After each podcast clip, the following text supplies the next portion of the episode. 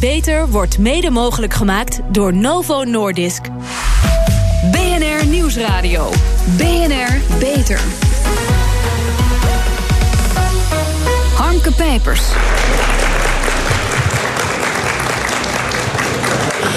We zijn te gast in de rijtuigenloods in Amersfoort op de jaarlijkse bijeenkomst ter gelegenheid van de Nationale Diabetesdag. Waar ik ga praten met Lea Bouwmeester, directeur van de Nederlandse Diabetesfederatie. En Henk-Jan Aanstoot, diabetoloog, kinderarts en oprichter van Diabeter. Mevrouw Bouwmeester, u was tot voor kort uh, Tweede Kamerlid voor de PvdA met zorg als uh, expertise. U bent na tien jaar de Kamer uitgestapt om u meer in het veld te begeven. Dat is gelukt, u zit er nu middenin. Want u bent behalve directeur van de Nederlandse Diabetesfederatie ook voorzitter van de redactieraad van ICT en Health. En voorzitter van het Nederlands Congres Volksgezondheid. Is dat wat u voor ogen stond? Wat, wat miste u in Den Haag? Nou, eerlijk gezegd mis ik eigenlijk niks uit Den Haag.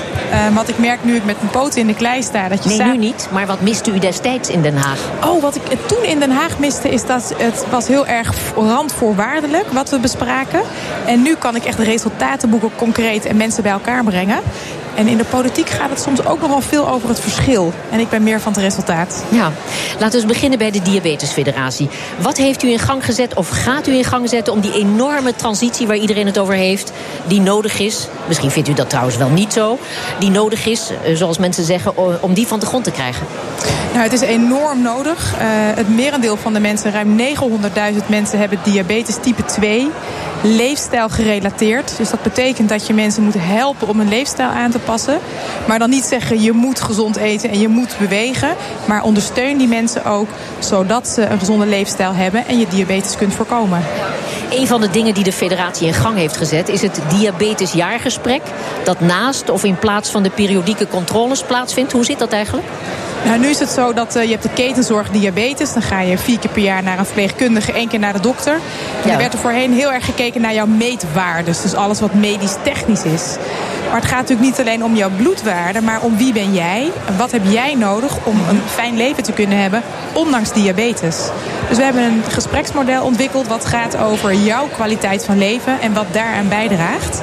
Um, en ook hoe we dan zorgverleners en patiënten ondersteunen om dat andere gesprek te voeren, zodat je de kwaliteit van leven als uitgangspunt neemt. Ja.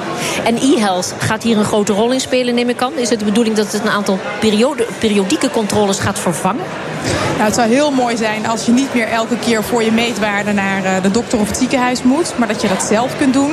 Dat je het online door kunt geven. Niet alleen omdat het makkelijker is en het bezoeken bespaart. Maar je hebt ook gewoon veel meer zelfinzicht. Wat ook bijdraagt aan het kunnen voeren van, het, van je eigen regie over je eigen leven. Ja. Meneer Aanstoot, het merendeel van de diabetespatiënten heeft uh, type 2. Voornamelijk veroorzaakt door een slechte leefstijl. Maar u richt zich op kinderen met diabetes type 1. Dat is een heel ander verhaal. U heeft een speciaal opgericht, Diabetes. Vertel, waarom was dat nodig? Nou, dat was nodig omdat we, zoals we net hoorden, met ICT steeds meer dingen willen doen. En we ook zagen dat de zorguitkomsten van die kinderen nog lang niet goed genoeg waren. En om in staat te zijn om die vernieuwing aan te brengen en ook die zorg te verbeteren, hebben we dat uh, uiteindelijk besloten om dat buiten het ziekenhuis te moeten doen. Ja, en, en type 1 is anders dan type 2 een auto-immuunziekte. Maar er is een grote verscheidenheid in de aandoening. De ene type 1 is de andere niet. Daar, daar doet u vooral onderzoek naar, hè? Ja, we zien eigenlijk bij type 1, maar eigenlijk ook al bij type 2, dat er een grote verscheidenheid in patiënten zit. Dat klinkt als een open deur, want dat zien we natuurlijk aan iedereen die is anders. Maar ook in de behandeling en in de reden waarom die ziekte ontstaat, zien we grote verschillen. En die hebben we nodig om die behandeling veel beter te krijgen. Ja, u, u zei net, bij diabetes 2 is dat ook zo, bij diabetes mellitus, uh, ouderdomsdiabetes zoals dat dan vaak genoemd wordt. Hoeveel soorten diabetes hebben we eigenlijk, weten we dat? Nou, dat weten we niet precies, maar we zien bijvoorbeeld uh, de afgelopen tijd is er veel over gepubliceerd. Ook vorige week nog in de Lancet Endo. Dat is een belangrijk blad en daar staan bijvoorbeeld vijf vormen in die al onderscheiden kunnen worden van, van diabetes en ook van type 2. En dat ja, betekent eigenlijk dat we veel meer moeten kijken naar de persoon. En de zorg ook veel meer zullen kunnen gaan af, afmeten op de persoon. Ja, dat ga ik lezen, want ik ben zelf een atypische 2, zou ik maar zeggen. Ja. Zoals alle chronische ziekten zorgt ook diabetes voor economische schade. Niet alleen voor het individu, maar ook voor de maatschappij. Een paar jaar geleden hadden we een live-uitzending van uh, vanuit het diabetescentrum in Rotterdam.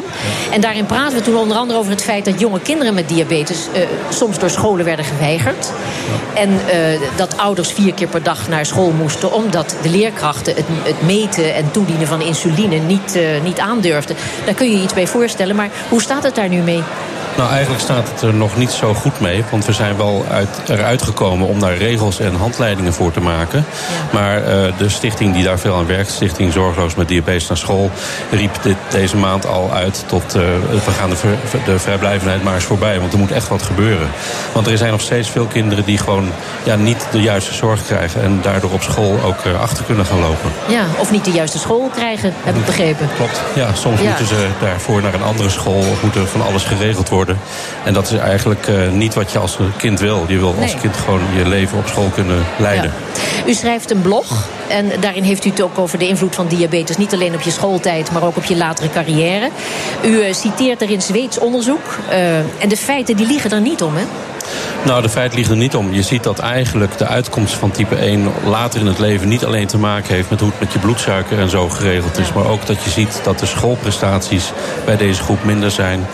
Maar later in het leven ook ziet dat ze gewoon minder verdienen. Ja. Mevrouw Bouwmeester, dit congres staat in het teken van innovaties in de diabeteszorg en de wetenschap. Daar is volop aandacht voor.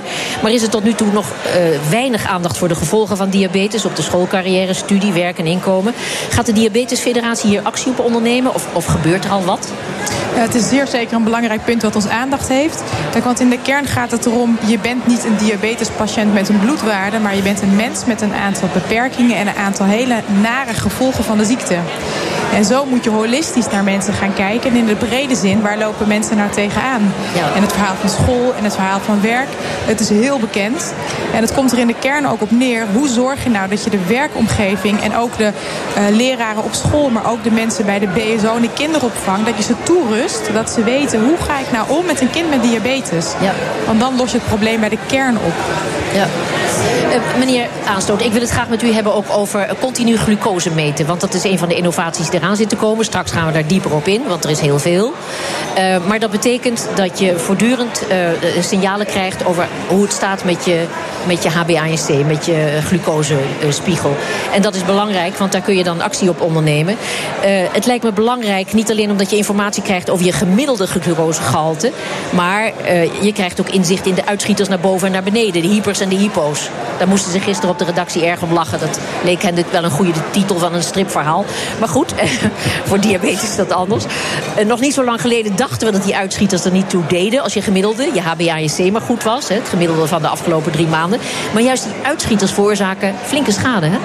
Nou, we zien eigenlijk dat we er niet komen met een goed gemiddeld HbA1c. En dat we dus aan het zoeken zijn, hoe kan dat dan dat er andere factoren zijn. En een van die factoren is dat schommelen van die bloedsuiker. Ja. En je ziet ook uit grote studies dat mensen met een goede regeling niet vrij zijn van complicaties. En dat betekent dus dat het regelen van die glucosewaarde ontzettend belangrijk is. En dat je dus uitzicht moet hebben, net zoals je in de auto naar voren kan kijken. Uh, met zo'n nieuwe technologie.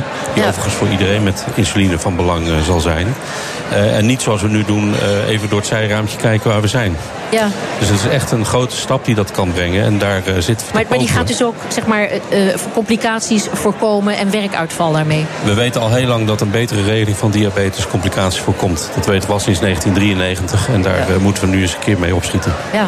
Mevrouw Bouwmeester, het goede aan het Zweedse onderzoek, hè, waar we het al even over hadden, is dat we heel concrete data hebben.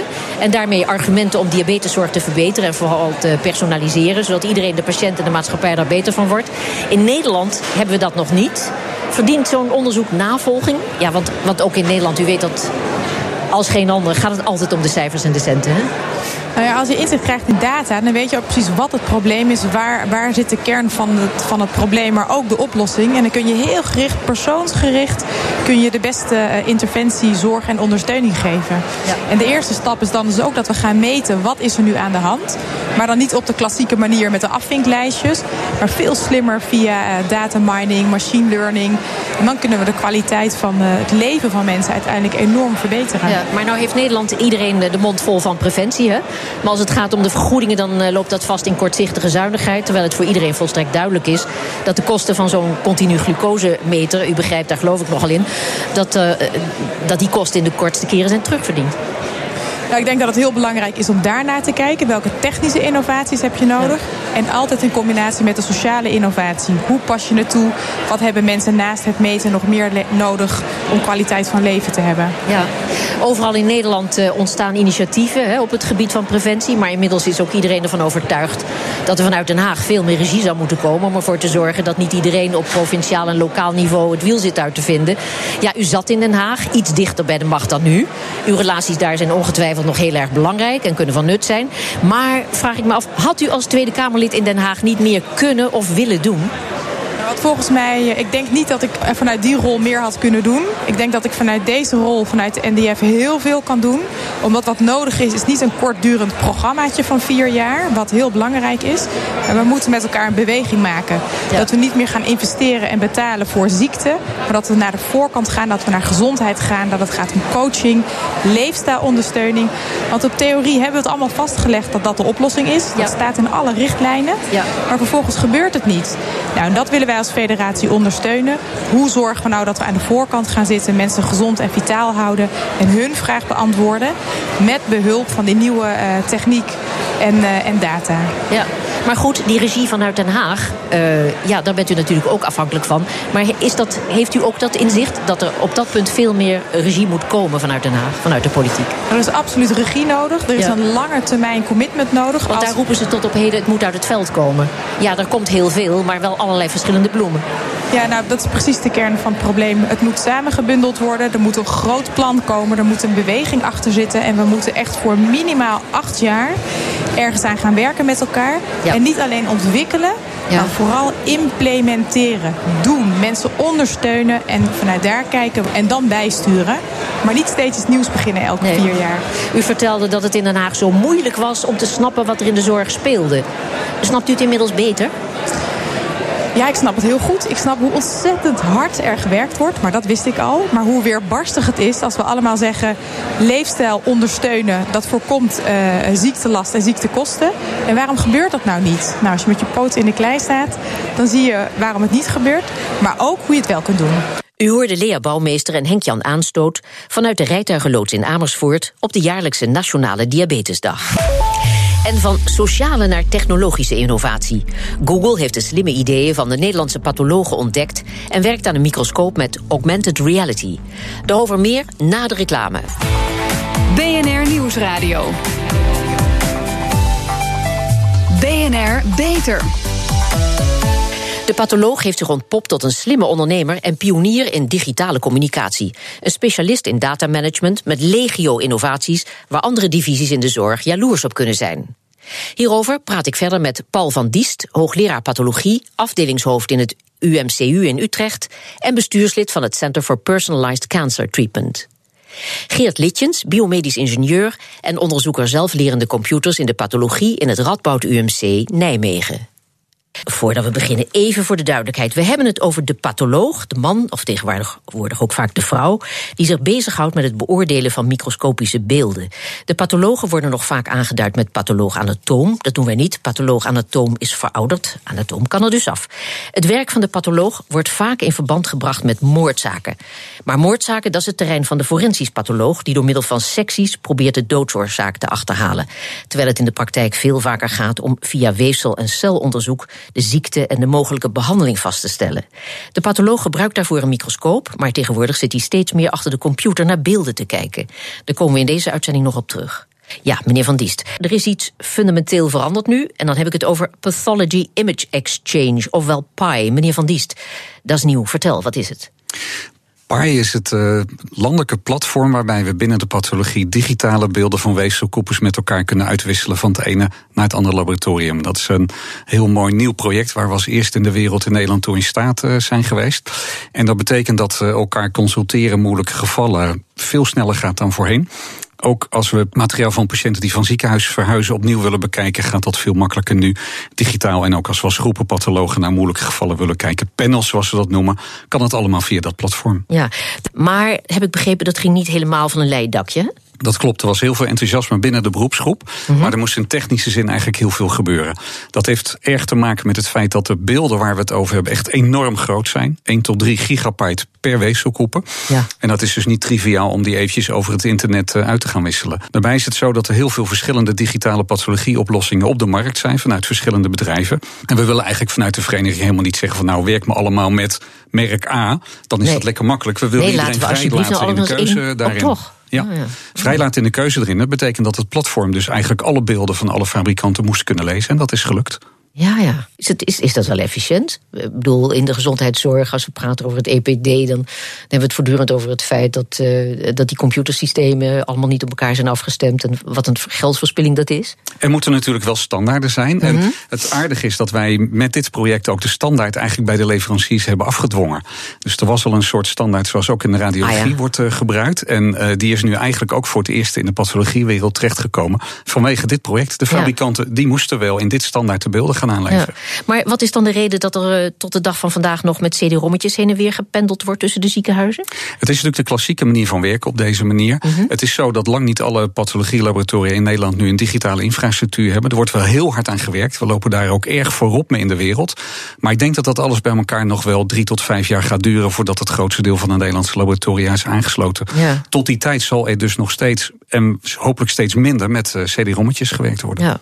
Internationaal doet Nederland ook het helemaal niet slecht. Want Philips heeft als eerste bedrijf toestemming van de Amerikaanse toezichthouder, de FDA, om het in Nederland eh, ontwikkelde pathologie software systeem in de Verenigde Staten te gaan verkopen. Philips werkt natuurlijk, eh, dat wil zeggen voor uh, diagnostische doeleinden. Philips werkt natuurlijk ook in Nederland voor pathologie laboratoria. Helpen jullie elkaar als het gaat om de buitenlandse betrekkingen? Of zijn jullie elkaar stevige concurrent? Nee, wij zijn natuurlijk gebruikers. Dus wij willen als gebruikers eigenlijk alleen maar een heel goed product waarmee eh, wij kunnen doen uh, wat we ermee zouden willen doen.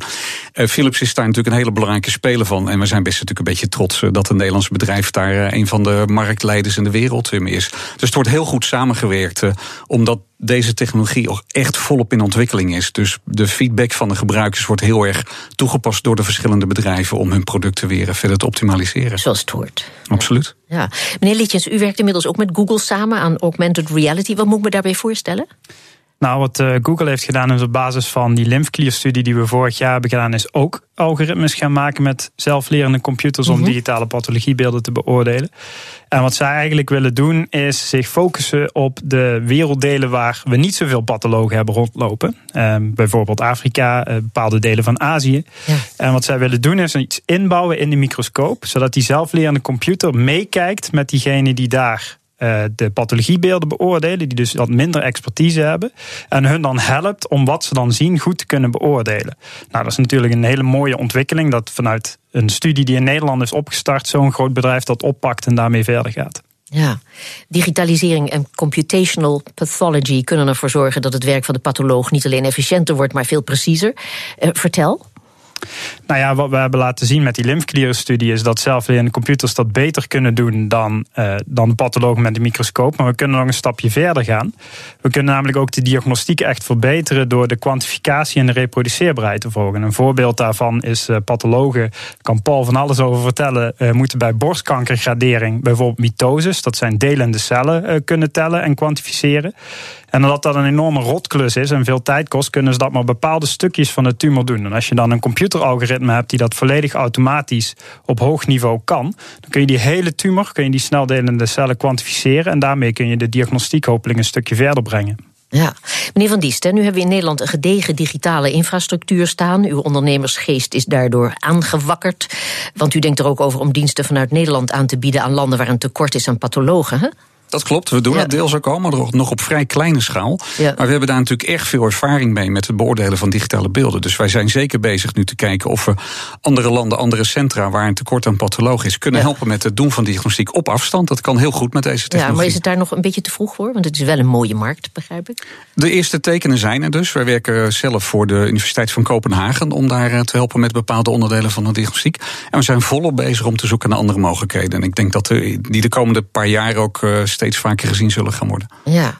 Zeg, de rol van pathologisch onderzoek over tien jaar. Laten we het daar eens over gaan. De liquid biopsies, oftewel de bloedtesten om kanker aan te tonen, gaan die het traditionele weefselonderzoek door de patholoog vervangen? Meneer Van Diest, wat nou, denkt ze gaan een belangrijke rol spelen, maar vervangen niet, denk ik. De basis zal altijd blijven dat wij een weefselstukje krijgen om in ieder geval de initiële diagnose goed te kunnen stellen. Ja. En laten we duidelijk zijn, een heel groot deel van ons vak uh, is het vaststellen dat er geen sprake van kanker is. En dat zal altijd uh, door de microscoop of via digitale beelden van microscopische koepels blijven gebeuren.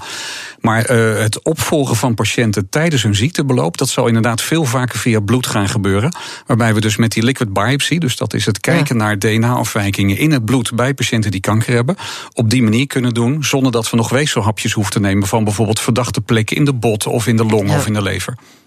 Ja, ook veel prettiger voor de patiënt, nietwaar? Jazeker, omdat het veel minder invasief is. Ja. Meneer Lietjens, hoe denkt u erover? Nou ja, ik denk inderdaad dat dat een belangrijke rol gaat spelen. Daarnaast heb je natuurlijk ook nog gewoon de radiologie, dus imaging uh, voor het opvolgen van patiënten, wat gewoon een steeds belangrijke rol is gaan spelen en zal blijven spelen. En uiteindelijk denk ik niet dat iets iets anders gaat vervangen. Wat je al met elke innovatie in de gezondheidszorg ziet, is dat die dingen samengevoegd worden om diagnostiek een stap verder te brengen. En dat niet een nieuwe techniek een oude techniek ineens compleet vervangt. Ik denk dat dat ook zo zal blijven. Ja, u werkt vanuit het Radboud UMC als onderzoeker, maar inmiddels ook met Google samen. Hè? Daar weten ze al zoveel over ons. Moet het nou? Dat zal nou ja, toch. Wij hebben geen rechtstreeks samenwerkingsverband met Google, maar we doen wel een aantal projecten waar zij ook op ingesprongen zijn. Mm -hmm. En nou ja, op dit moment is het gewoon volstrekt anoniem, dus ze krijgen geen patiëntgegevens van ons. Het zijn alleen maar plaatjes. Dus, nee.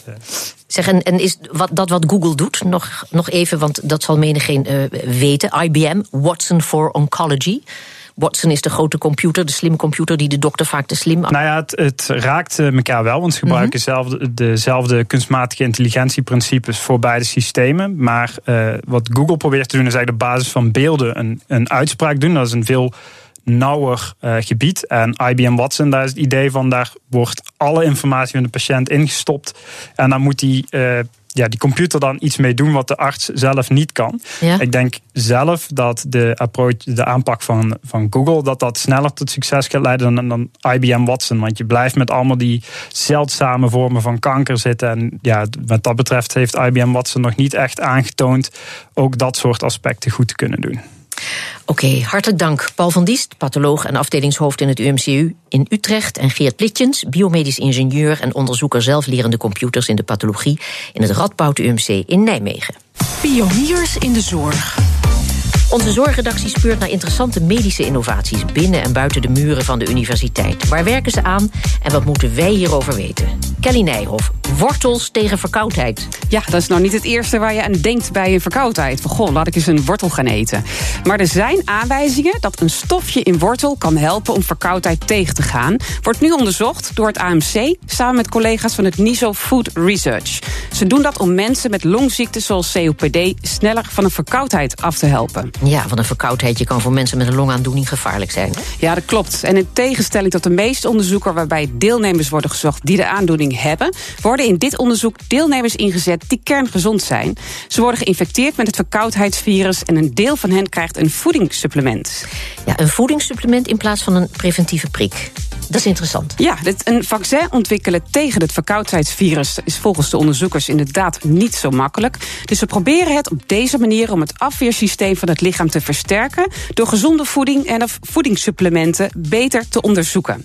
Goed, moeten we nu allemaal extra wortels gaan eten? Nee, dat, uh, dat zou ik niet doen. De onderzoekers gebruiken een extract uit de wortel. En je moet wel heel veel wortels eten, wil je dat effect krijgen. We luisteren even naar de onderzoeker van de longafdeling in het AMC in, het, uh, in Amsterdam, René wat voor ons ook wel verder belangrijk is, is we zijn een academisch centrum, dus dat we ook proberen inzicht te krijgen van wat, wat zien we eigenlijk bij gezonde. Het is, het is een vrij uniek model wat we hebben, waarbij we mensen dus aan dat, virus blootstellen.